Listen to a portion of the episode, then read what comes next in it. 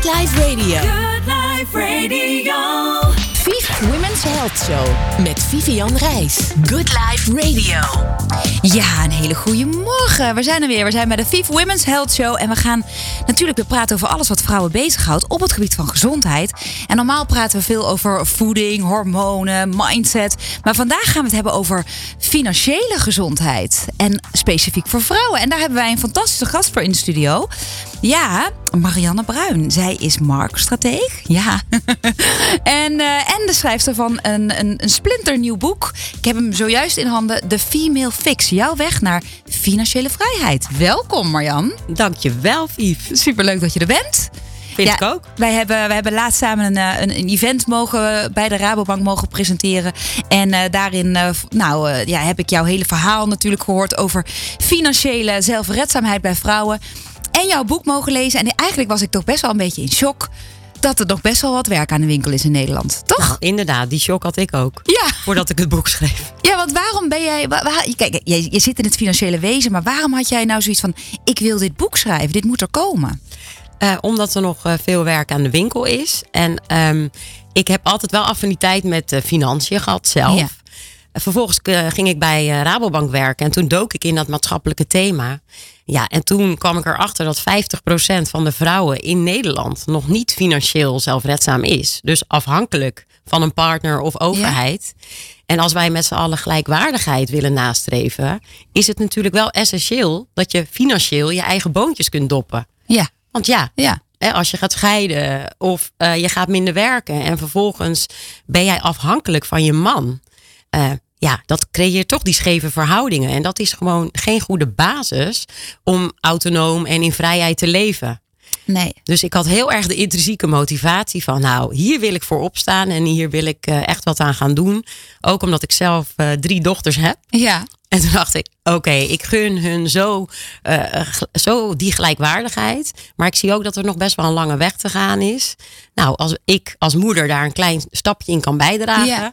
En eh, deze missie ook wat breder kan verkondigen. Dan hoop ik toch dat ik eh, de vrouwen hun oog open om op tijd bij dit probleem stil te staan. Ja. Zodat je er ook op tijd wat aan kan gaan doen. Ja, want was dat ook, is het zeg maar materie en informatie die je eigenlijk zelf miste? Dat je dacht, ja, er is zo weinig bekend over financiële zelfredzaamheid bij vrouwen. Zeker.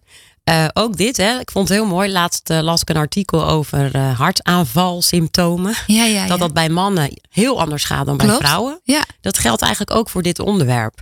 Financie- financiën zijn best wel rationeel. Masculien wordt dat aangepakt.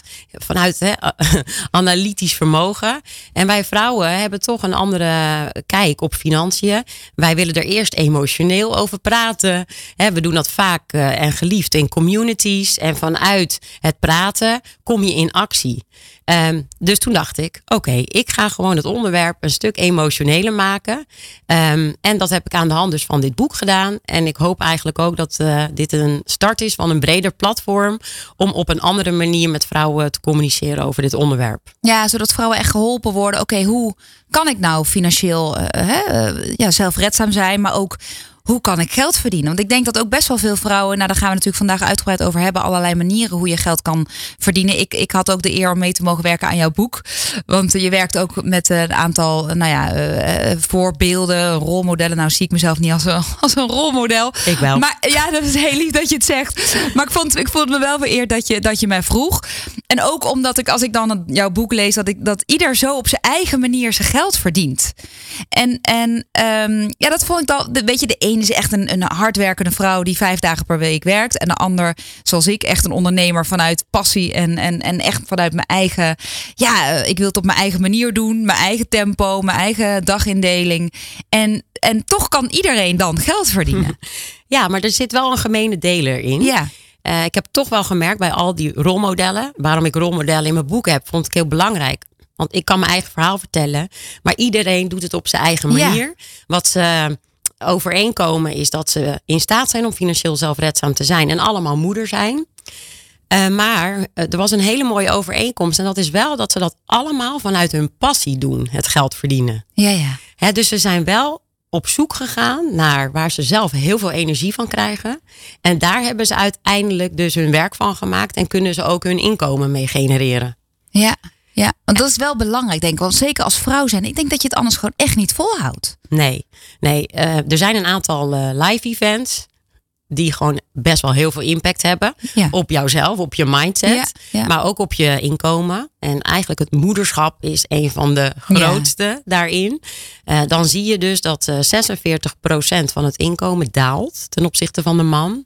En na acht jaar, na acht jaar eh, eerste kindje is dat verschil met een man nog 40%. Eh, dus het is Zo. ook pittig. Ja, ja. En Ja. eh, in het boek geef ik dus ook heel veel handvatten hoe je dus al die ballen wel in de lucht kunt blijven houden. Maar een hele belangrijke daarin is wel dat je voordat je dus aan kinderen begint, heel goed weet waar jij je energie van krijgt, waar jij dus je geld mee kan gaan verdienen. ja. Want dan kost het je sowieso al minder effort. Klopt. Dat vind ik mooi dat je dat zegt. Want ik zeg ook altijd tegen vrouwen die dan vragen aan mij van ja, ik weet niet zo goed wat ik wil. Ik wil ook wel iets met voeding of met gezondheid. En dan zeg ik, eigenlijk moet je altijd kijken naar wat gaat jou makkelijk af. Eh, en en eh, is dat, ben je echt een coach? Vind je het echt leuk van nature al om mensen te coachen? Of kost dat je heel veel energie? En ben je veel meer ondernemer? Alles wat je eigenlijk heel makkelijk van nature afgaat, wat mensen al bij jou een beetje zoeken, hè? Da- daar ligt in, in mijn beleving toch wel echt je passie. Absoluut. Dus zorg dat je daar gewoon de beste in Ja. wordt. Dat je je daarin onderscheidt. En dat merkte ik ook aan mezelf. Eh, ik was gewoon blij als ik naar mijn werk kon gaan. Want ja, Ja? moederschap is gewoon hartstikke zwaar. Ja, ja, het wordt soms best onderschat. En jij hebt, dat, jij hebt gewoon echt vier kinderen. Ja, ik Dus- heb er gewoon vier inderdaad. En, Dat is, eh, dat- en dan ook nog werken en een man die een drukke baan heeft. Ik vind het echt petje af hoor, wat jij allemaal doet. ja, dankjewel. Maar dat komt dus inderdaad. Allereerst, ik doe echt de dingen die ik leuk vind om te doen.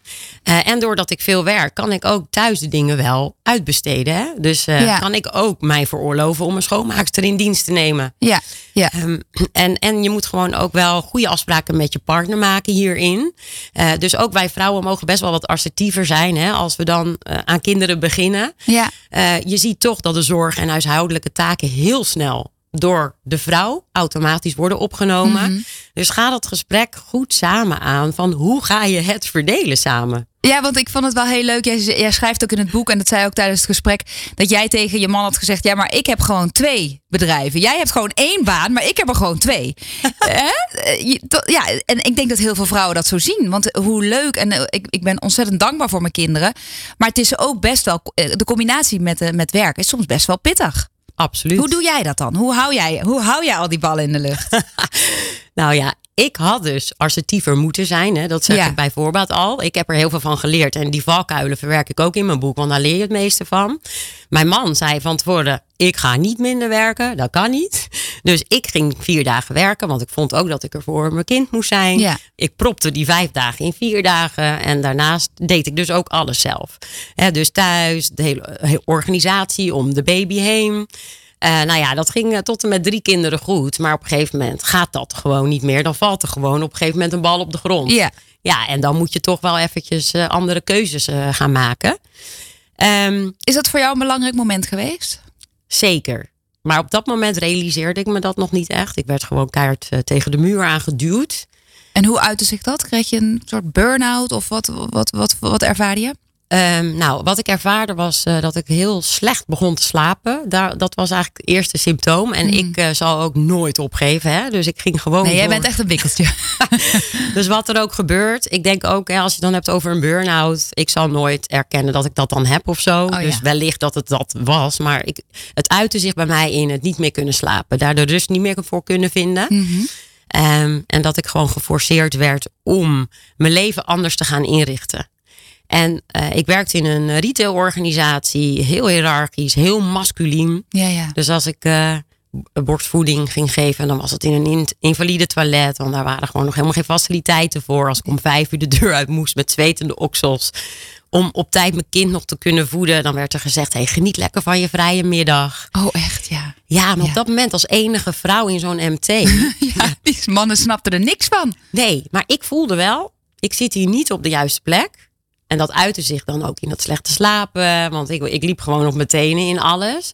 Maar dit moest mij gewoon overkomen om geforceerd een beslissing te kunnen nemen. Ja. En die beslissing was toen, oké, ik moet hier weg. Deze werkgever en ik zijn op dit moment geen goede match. En ik moet thuis eerst de balans beter gaan opmaken. Mm. En vanuit daar eh, ben ik dus eventjes eh, wat rustiger aan gaan doen. Ja. Een half jaar even thuis geweest. Ik had er toen drie. Eh, en toen ben ik echt gaan nadenken, oké, waar word ik nou echt gelukkig van? Ja. Wat wil ik? Ik wil financieel zelfredzaam zijn. Ik wil niet leunen op mijn partner. Maar goed, we hebben wel samen ook een gezin. Ja. En dat betekent dat mijn man ook wel iets meer mag gaan doen dan wat hij deed. En? Is dat gelukt? Nou, ik zeg altijd, dan, en dan gaan we eens per maand uit eten of zo. En dan eh, praten we ook over die taakverdeling. Nou, en dan gaat het wel weer even goed. Dan heeft hij drie keer de afwasmachine ingeruimd. exact. En de vuilnisbui. Ja, ik moet wel zeggen, hij doet echt heel veel als het gaat om de tuin en de ja, auto's ja. en dat soort dingen. Dus hij doet echt wel ook heel veel dingen wel. En hij doet de voetbal van. Dan na een maand dan eh, maak ik hem weer even alert. Maar Ja. ik wil daar ook gewoon niet te veel over zeuren. Nee, snap. Mijn moeder zei, je had een hoofdstuk aan hem kunnen. Maar ik denk, dat ga ik gewoon niet doen. Weet je, wij hebben deze manier. En we hebben een hartstikke leuke, goede relatie. Eh, en ik hou er ook niet van om dan elke keer daar weer op te gaan drukken. Nee, het nee. is gewoon wat het is. En daar heb ik gewoon mijn werkende leven ook een beetje op aangepast. Ja, ja. Nee, ja, ja, heel mooi. En toen, toen kwam dat moment en dat, toen ben je uiteindelijk in een andere baan terechtgekomen. Wel in een wat vrouwvriendelijkere omgeving. Toch? Ik denk Ja. dat dat ook best wel belangrijk is. eh, want we leven natuurlijk best wel echt in een masculine maatschappij. Absoluut. Ik, ik denk stiekem, ook hormonaal gezien, denk ik dat veel vrouwen daar best wel soms last van hebben. En zich onbegrepen voelen daardoor. Helemaal gelijk, eh Vief. Want toen ik erin zat, kon ik er geen woorden aan geven. Maar ik voelde wel dat ik me altijd aanpaste naar hun gedrag. Ik was altijd one of them. En als ik one of them was, nou, dan eh, kon ik met alles mee. Maar toch was ik niet helemaal mezelf. En eh, kon ik niet vanuit authentiek leiderschap, zeg maar, Ja. mijn baan doen. Ehm, en ik heb een onwijs goed eh, intuïtief gevoel.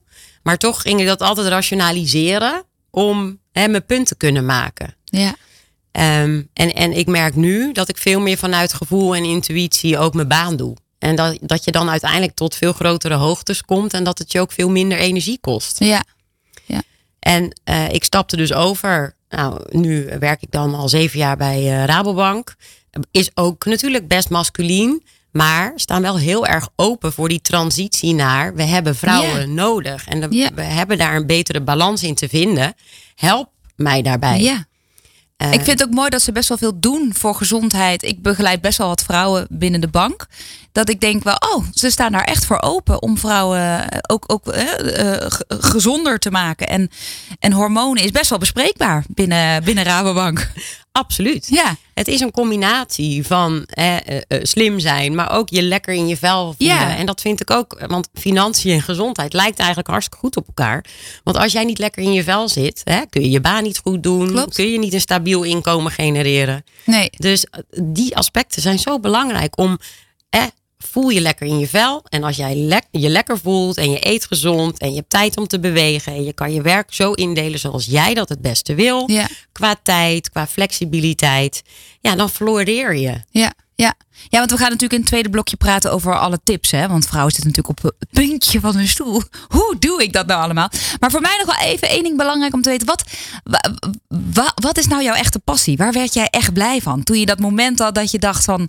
Oké, dit trek ik niet meer. Wat kwam eruit dat half jaar rust? Ja. Nou, ik word onwijs blij van eh, wel veel dingen doen. Want zo zit ik nou eenmaal in elkaar. Eh, maar waar ik blij van word is eh, dingen creëren. Maar wel waar mensen beter van worden. Dus ik wilde graag een maatschappelijke bijdrage leveren. Ja, En in mijn vorige werk, eh hartstikke toffe baan, hè, leerde ik alles op het gebied van marketing. Maar eh, ja, ik zat wel bij een fastfoodketen. ja, En ik dacht wel, ja, ben ik nou nog steeds burgers aan het verkopen? Hè? Dat vond Ja, ik ja. ook niet helemaal lekker. En in mijn huidige werk kan ik, eh, kan ik echt maatschappelijk betekenis geven. Doordat er veel budgetten zijn, kun je impact maken. Hmm. Ehm, en ja, we maken ons druk om diverse maatschappelijke topics. Ja. Denk aan eh, eh, de- woningmarkt verduurzamen. Maar Ja. ook eh, mensen financieel gezonder maken. ja. En een gelijkheid, hè, salaris, gelijkheid tussen mannen en vrouwen. Daar gaan we het zo nog even over hebben. Ja. inclusiviteit en diversiteit. En Ja. toen dacht ik, hé, hey, dit past eigenlijk heel goed bij mij.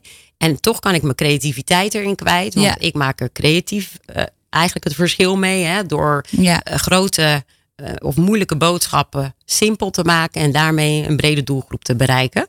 En ik heb het idee dat je door dit boek helemaal, helemaal in je passie terecht bent gekomen. Absoluut. Toch? Ja, ja, ik merk echt dat het enorm aan het stromen is. Ja, ik zie het ook aan je. Echt een soort energie. Zo'n zo, zo'n zonnetje wat hier binnen zit. Ja.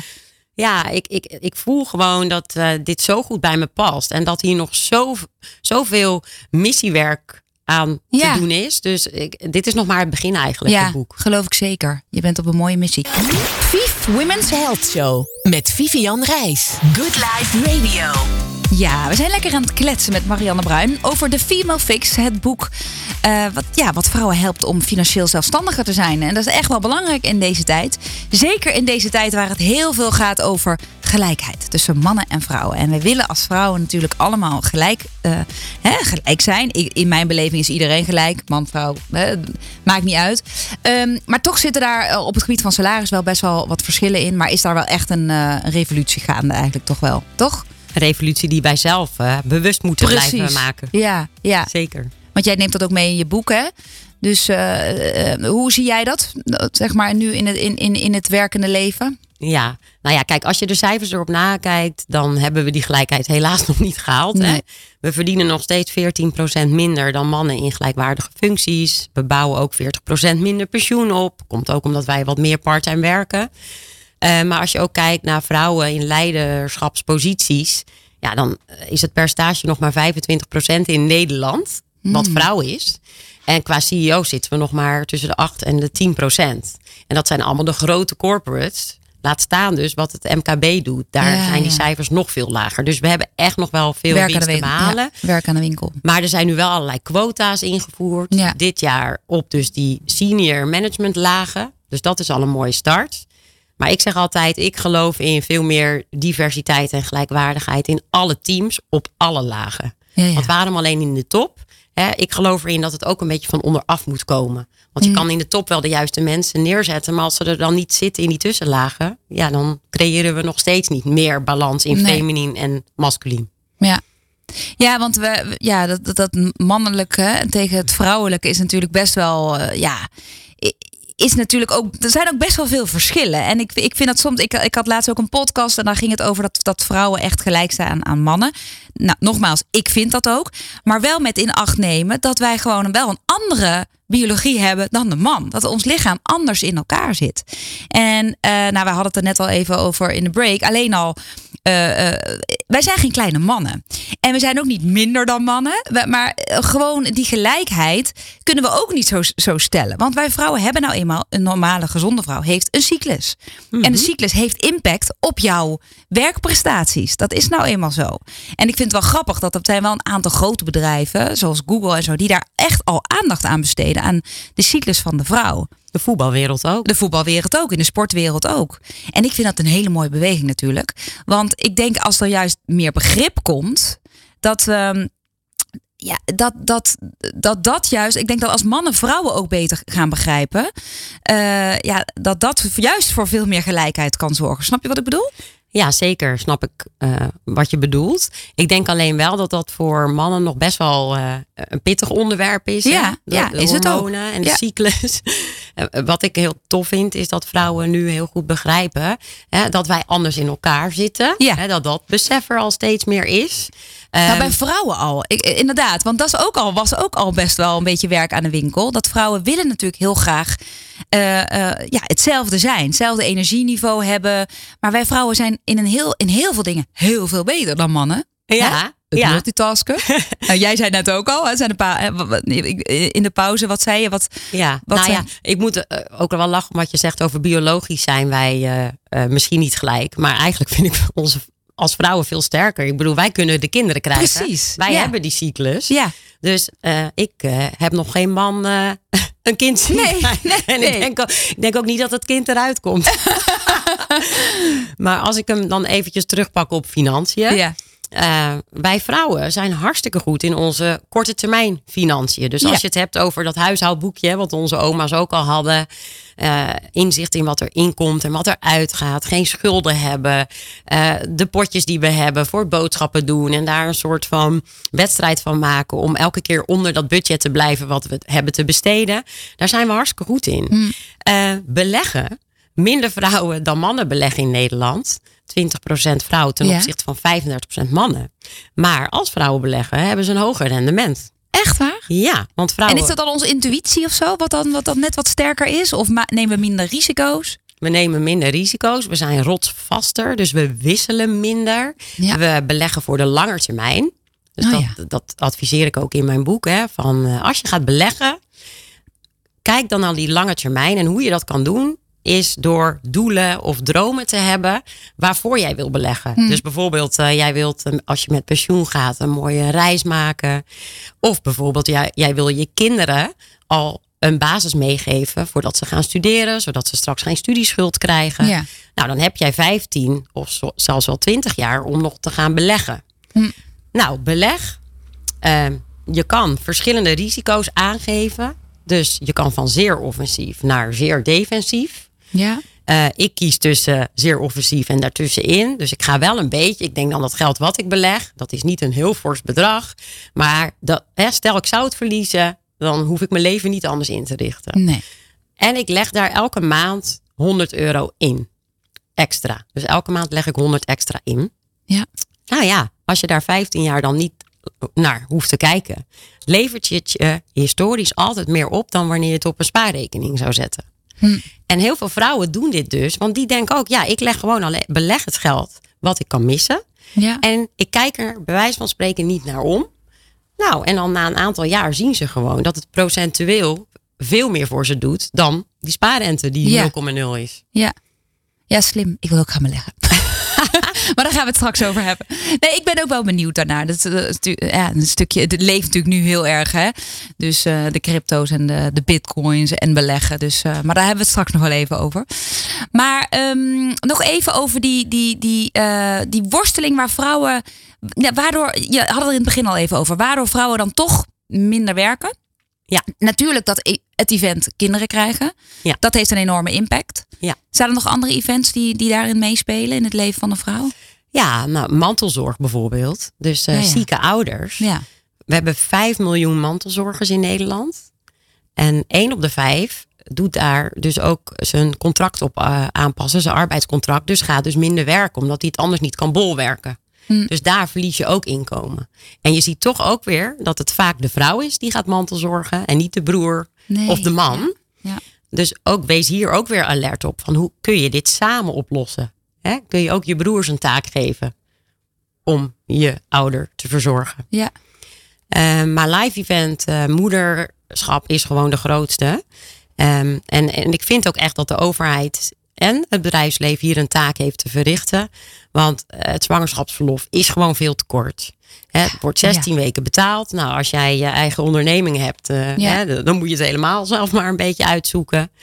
Dat hè, is niet te vergelijken met Zweden natuurlijk, waar je gewoon een jaar verlof hebt. Precies, daar heb je het dual earner, dual carer model. Dat zorgt dus ook echt voor meer gelijkwaardigheid. Mannen en vrouwen krijgen daar eh, allebei verlof.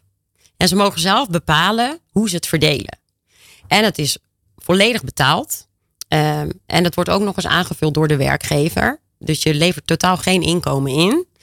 En de kinderopvang is ook nog eens bijna gratis voor werkende ouders. Ehm, ja, ja. ja, en inderdaad, het eerste jaar gaat het kind niet naar de kinderopvang. Dus je hebt gewoon een heel jaar om een goede basis neer te zetten Ja. voor het ouderschap, maar ook voor het kindje.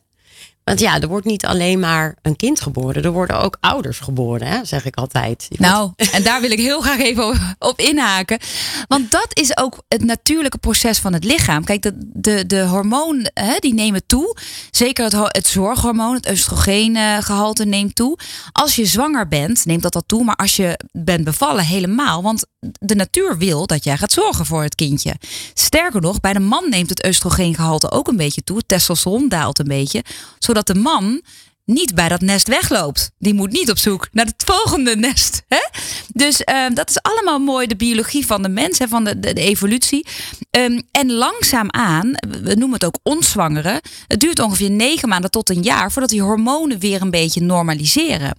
Dus het is ook best wel logisch dat vrouwen, als ze drie maanden, eh, een drie maanden oude baby hebben, staan te huilen bij de kinderopvang van ik wil dit eigenlijk helemaal niet. En eigenlijk een conflict met zichzelf krijgen.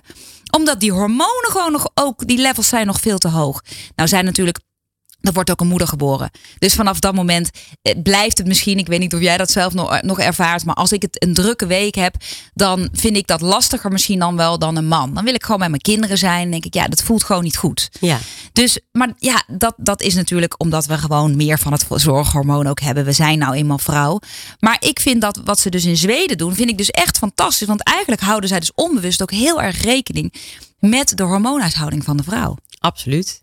Ja, en, en dat is ook een advies die ik geef in het boek. Van als je het je kan veroorloven, neem iets langer ver, verlof op. Ja. Zodat je jezelf weer wat sterker voelt. Hè? Dat je lekkerder in je vel zit, minder blurry in je hoofd. Ja. Um, want dan is zowel je kindje wat groter en voel je jezelf lekkerder en sterker. En als je dan teruggaat naar je werkgever, Ja. ben je er weer een beetje. Ja.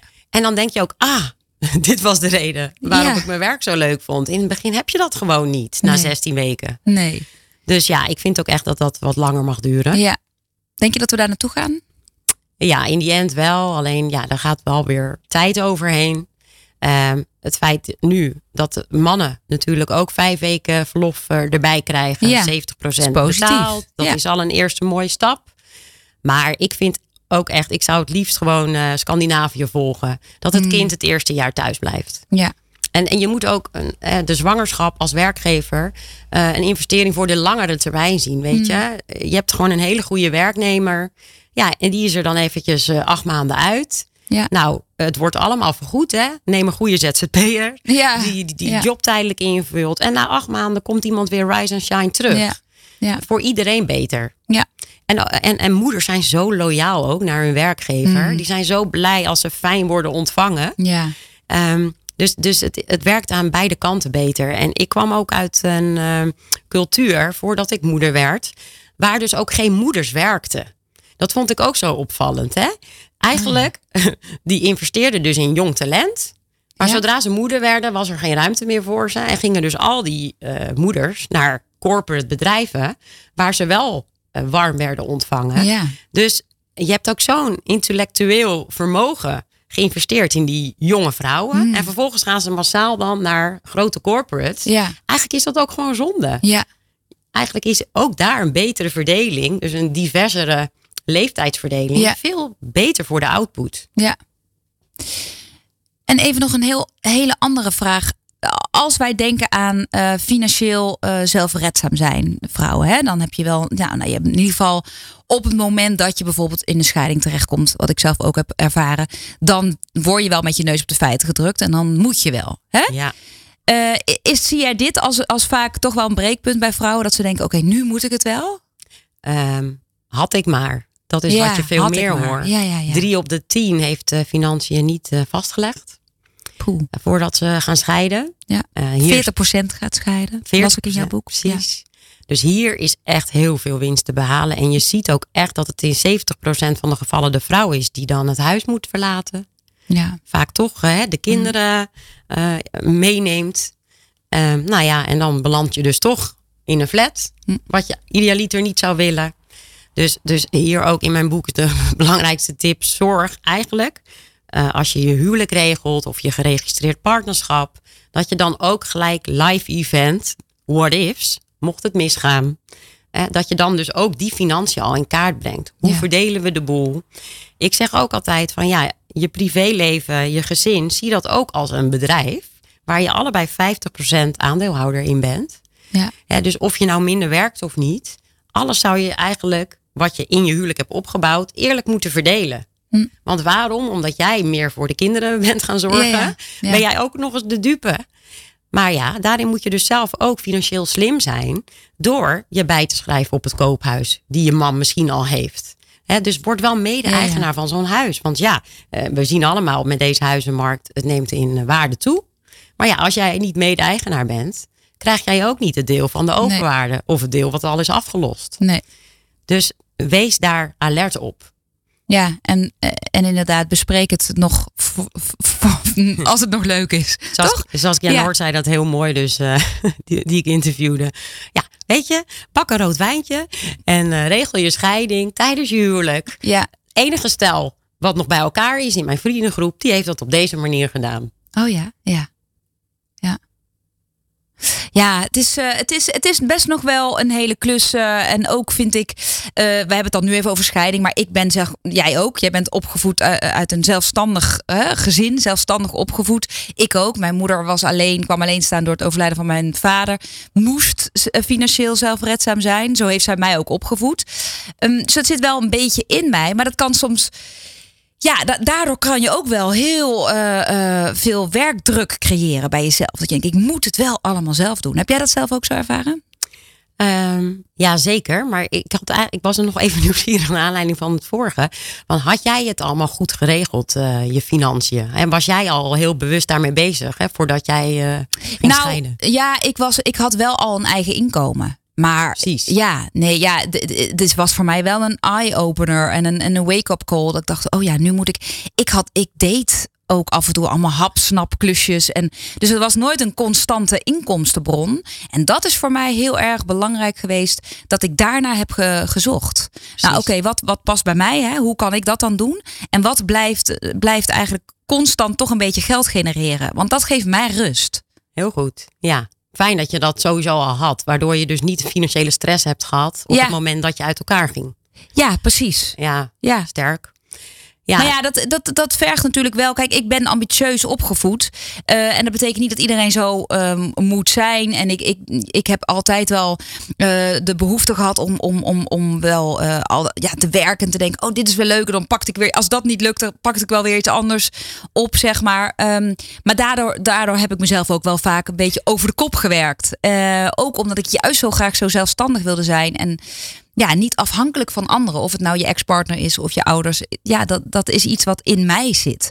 Maar soms heb je wel even hulp nodig. Dus ik vind vrouwen mogen ook best wel een beetje hulp aanvaarden. Op het moment dat het gewoon, als je in een scheiding zit, heb je soms gewoon een beetje hulp nodig. absoluut. En we zijn vaak zo trots om dat dan toch allemaal zelf te willen doen. Ja, ja en, en dan is die emotionele hulp misschien nog wel belangrijker. Ja, ja, En dat je eventjes kunt leunen ja. op eh, je vriendinnen, op je ouders. Ehm, en dan kan je eigenlijk die eh, financiële zorgen er bijna niet meer bij hebben. Hè? Dus, ja. dus daarom eh, zie dit boek dan dus ook van... oké, ik kan het van tevoren al goed met elkaar afstemmen.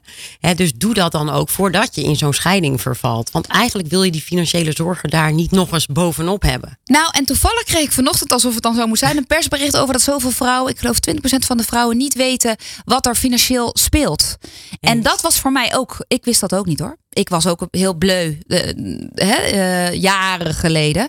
Dus, eh, en dat, dat is wel belangrijk. Dat je, dat je toch een beetje eh, bewust wordt van: hé, hey, wat speelt er nou allemaal? En wat kan ik zelf doen om geld te verdienen? Hoe werkt het nou met, hè, met een hypotheek en verzekering en al die dingen? Ja, en ehm, ik, ik las ook inderdaad dat 65% van de vrouwen tijdens een scheiding niet wist dat je gewoon recht hebt op de helft van het pensioen, wat je dus in je huwelijk al hebt opgebouwd. Hè, het recht Ja. van de partnerpensioen, dus van je man. En dat is ook zo heftig. Dus Ja. als je dat zelf niet benoemt hè, en je hebt niet een financieel adviseur die jou daarop eh, aanspreekt, ja, dan loop je dus ook gewoon passief geld mis. Ja. Ehm, ja, dus, dus wat gewoon heel belangrijk is, is je toch meer gaan verdiepen. Ehm, het is ook een beetje cultureel bepaald. Hè? We, waren, we zijn pas vanaf 1957 handelingsbekwaam benoemd als vrouw. Ja. Ehm, vanaf 1970 mochten we als vrouw ook onze eigen bankrekening openen. Oeh, pas hè? Pas Precies, toen. we werken eigenlijk pas 50 jaar, hè? Exact. De man was de kostwinnaar. Dus die bemoeide zich ook met de financiën. Ja. En was eh, verantwoordelijk voor de hypotheek. En voor de pensioenopbouw. Eh, dus als vrouw bemoeide je je daar ook gewoon niet mee. Nee. Dus dat is toch nog een beetje cultureel bepaald. En Ja. dat zit er dan toch nog een beetje in. Eh, ook als je het hebt over een financiering krijgen als ondernemende vrouw. Mhm. Is veel lastiger dan wanneer een man dat vraagt. Ja, Ja, dus, dus wij hebben hierin ook gewoon nog weer een eh, traditie door te maken. Eh, waar we zelf een aandeel in hebben. Om het continu te blijven benoemen. ja. Nou, er is nog een hoop werk aan de winkel, maar dat komt helemaal goed. Want we gaan straks nog eh, in het laatste blokje, een kort blokje, gaan we natuurlijk eh, alle mooie tips van jou nog krijgen. Hoe wij als vrouwen zelfredzaam kunnen zijn. Vief Women's Health Show met Vivian Reis. Good Life Radio. Ja, alweer het laatste blokje. Het is zo lekker kletsen, hè? Nou, Ja, en een totaal ander onderwerp. Maar ook eh, het, eigenlijk toch ook wel een beetje over gezondheid. Want financiële gezondheid, eh, zoals jij al in het begin al zei, is zo belangrijk. Als je, hè, als je lekker in je vel zit, dan kan je ook, eh, ja, kun je ook beter presteren op je werk. absoluut. Hey, wat nog heel even terugkomend op een aantal korte tips die wij even in de tussentijd bespraken. Wat als vrouwen nu ja, misschien gaan scheiden en denken: oh, hoe sta ik ervoor? Wat, wat zou jij ze dan adviseren? Ik zou adviseren om ook apart met een financieel adviseur om tafel te gaan. Eh, zodat je het niet voor elkaar regelt, maar dat jij apart even een goede second opinion kan doen van oké, wat er dus nu op papier staat, hoe het nu wordt verdeeld, klopt dat en is dat ook ten voordele van mij? Eh, en wat denk ik ook heel slim is, is toch om een vrouwelijke adviseur of een vrouwelijke notaris in de hand te nemen. Want ja, die denkt toch wat meer in het belang van de vrouw. Mm, Ja, ja, ja. Ja, ja, kan ik me wel voorstellen. En dan, ja, nou, dan zouden er genoeg vrouwen zijn die, die, die luisteren en denken: Oké, nou, ik, eh, ik, ik wil echt nu wel eens een keer die stap zetten om financieel wat, wat eh, ja, niet meer zo, zo afhankelijk te zijn van mijn partner of mijn ouders. Of, hè, ehm, wat zijn dan de eerste stappen die jij zou aanraden? Ja, kijk, financiële zelfredzaamheid bestaat uit eh, drie aspecten. Eén is dus eh, je financiële kennis wat meer opdoen. Twee is dus eh, het inkomen, wat zo belangrijk is om buffers op te bouwen voor als je even tegenslagen hebt. Of een stuk vermogen voor later op te bouwen. Ehm, en ehm, wat mijn eerste tip dus is, is toch ehm, doe hetgeen wat je leuk vindt. En kijk of je daar inkomen uit kunt genereren. Hè? Want daar krijg je ook de meeste energie van. Ehm, en, en mocht het niet je basisinkomen zijn, kan je daar wellicht passief inkomen uit genereren. Hè? Dus de extraatjes. Dus heb jij een enorme leuke hobby. eh, bij wijze van spre- spreken kleding eh, verkopen via Vinted. Ja, ja. Nou ja, dat zijn toch allemaal leuke extraatjes. zeker. Ja. Hè, die je zo, hupsakee, op je bankrekening eh, kunt zetten. Ehm, ja, vermogen opbouwen voor later is gewoon ontzettend belangrijk. Hè? Dus probeer eh, de spaarrekening die nu niks oplevert, probeer een deel daarvan toch te gaan beleggen. En ik snap ook dat je beleggen spannend vindt als je dat nog nooit hebt gedaan. Maar er zijn tegenwoordig superveel eh goede apps die je daarmee kunnen helpen. Eh, ik zou ook nooit in crypto of bitcoins gaan beginnen Nee, jij zei net al meteen tegen mij: Nee, nee, nee. super volatiel, heeft zichzelf gewoon nog niet bewezen. Ehm, ik, eh, wat ik zelf doe is eh, beheerd beleggen. Dus ik heb er zelf gewoon te weinig tijd voor. Ook geen zin om er elke dag weer in te gaan verdiepen. Dus ik laat het beleggen. Dus wat ik heb gedaan, eerst, eerst contact eh, met mijn adviseur gezocht. Van oké, hoe moet ik dit aanpakken? Tegenwoordig kun je dit ook volledig digitaal doen. Maar ik snap dat je eerst persoonlijk contact wil hebben.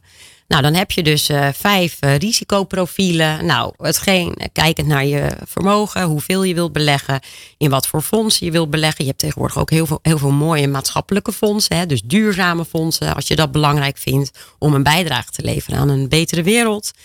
Nou, dan kies je dus uiteindelijk gewoon, oké, dit zijn dus de fondsen waarin ik wil gaan beleggen. Vervolgens kun je dat dus dan digitaal aanvragen. Je kunt zelf het bedrag bepalen wat je dan gaat beleggen. En dan kan je ook nog zeggen, oké, elke maand komt er bij mij salaris binnen. Nou, eh, daarvan wil ik gewoon eh, 50 of 100 euro standaard inleggen. Ja, en dan heb je natuurlijk een jaar op jaar het rendement op rendement effect. Waardoor je geld gewoon sneller gaat stijgen. En natuurlijk door een oorlog of door een crisis kan het, hè, kan de koers in één keer inzakken. Maar daar hoef je niet zenuwachtig van te worden als je de lange termijn focus maar handhaaft. Ja. Die 15 jaar, dat is echt historisch bepaald. Hou het 15 jaar vast, dan levert het je altijd meer op. Oh ja. Ja. Ja. Oké, dus we moeten gaan beleggen. En als vrouwen nou ehm, toch worstelen met het feit dat ze wel minder willen werken door de kinderen, hè, voor, en om voor de kinderen te zorgen, wat ik ook heel goed snap. Mhm. Eh, en, maar toch een goed inkomen willen. Ja, je wil het allebei. Ja, Ja, nou ja, kijk, wij ik was zelf ook best wel zwart-wit. Van het is of het een of Ja. het ander. Tegenwoordig hoeft dat helemaal niet meer. Hè? Door de hele coronapandemie hebben we bewezen dat het hele hybride werken, meer thuiswerken, hartstikke goed gaat. Dus je moet de baas over je eigen agenda worden. Jij kan best vier dagen of 32 uur, hoe je het ook noemt, kun jij blijven werken. Als je het maar op jouw tijd kan doen. Hè, dus stel de maandag, eh, dinsdag, donderdag. Nou, oké. Die zijn echt vol van 8 tot 5 voor de zaak. En die woensdag en vrijdag wil ik er gewoon voor de kinderen zijn. Ja, werk dan iets meer in de avonduren of in de ochtenden. Kijk hoe je het kan verdelen. Ja. En zonder dat je meteen denkt: oké, ik ga nu minder uur werken. Of Ja. ik ga deze baan niet kunnen doen. En bespreek ook met je werkgever welke mogelijkheden er zijn. Soms is er gewoon meer mogelijk dan je denkt. Ja, ja. Eh, en, en kijk gewoon hoe je je baan op maat kunt gaan indelen. En kijk ook hoe jij je huidige functie qua arbeidsuren. Wellicht kun jij zeggen, die 20% waar ik zelf totaal geen energie van krijg. Waar ik ook helemaal niet goed in ben. Misschien kun je dat wel overdragen aan een collega. Die dat wel hartstikke leuk vindt om te doen. Zodat Ja. jij je kan focussen op hetgeen wat jij heel goed kan. ja. Ja, en daar heb je dan wellicht ook wat minder tijd voor nodig om daarin te excelleren. Ja. En je baas is hartstikke blij, want je wordt gewaardeerd om hetgeen je hartstikke goed doet. Ja, ja goede tip. En dan had jij eh, het in je boek ook nog over de- je kinderen. Want je wil jouw dochters Ja. wil je echt wel wat meegeven. Absoluut. Want daar wordt eigenlijk heel weinig gesproken over geld. Hè? In, in, die- hè? Ik zie mijn dochter van 17, die moet echt nog, nog leren hoe het werkt. Ja, ja en, en er zijn zoveel verleidingen hè, Ja. voor die generatie. Ja. Door de digitalisering, fear of missing out. Ze krijgen zoveel prikkels. En het achteraf betalen, wat, dat soort dingen. Oh. Hè? Want als je een meisjes hebt, dan, dan kopen ze heel graag kleding. En het liefst achteraf. En dan denken ze, oh ja, hè, dat geld verdwijnt niet letterlijk. Nee. Dat komt later pas. Nou, dat vind ik voor heel veel jongeren best wel tricky hoor. Met een rente van 14 Ook dat. die er nog eens bovenop komt. Ja. Ja, joh, een vriendin van mij die kocht een eh, laptop, een Apple een roze, via Marktplaats. En die was splinternieuw, zat nog in de verpakking. Nieuwprijs 1500 euro. En ze kocht hem voor 1000 euro.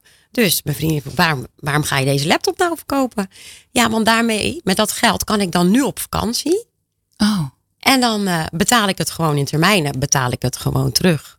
oh ja, ja, ja. En toen dacht Ja. ik echt, maar dan heb je en dus die 500 euro verlies. Ja. En je moet nog rente betalen. Ja, Dit is natuurlijk van de zotte. Dat zou eigenlijk gewoon verboden moeten worden. Ja. Dat dat nog überhaupt mag. Maar goed, even terug dus naar Ja. kinderen. Wat geef je ze mee? Nou, inderdaad. Geef pas je geld uit als je het ook hebt. precies. Eerst geld verdienen, dan uitgeven. Eh, dus mijn kinderen, die, die breng ik ook echt die ondernemersmentaliteit die jij hebt meegekregen vanuit je jeugd al heel erg mee.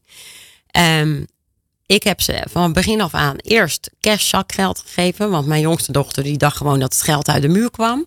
Ja, ja, ja, ja. ja. Dus eerst 2 euro uitgegeven. Nou, dus je geld is nu op. Nou, vanaf de tiende heb ik ze een pinpas gegeven. Die kun je koppelen aan je app.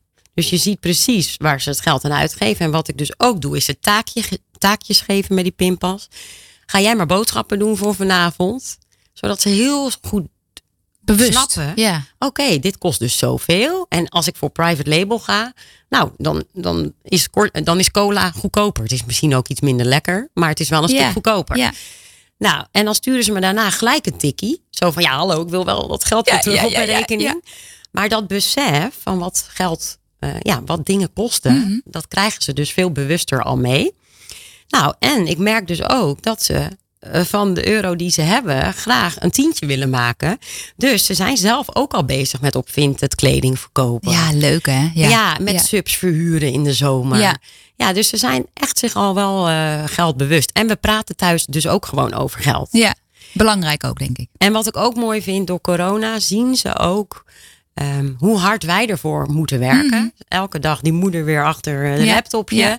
Van mam, zit je nou weer in een call? Ja, Ja. er moet gewoon gewerkt worden voor geld. Ja. Ja, ik weet ook dat het moment kwam dat ik BTW moest uitleggen. Hè? Dat, dat van, oké, maar dan gaat wel 21% gaat er vanaf. Huh?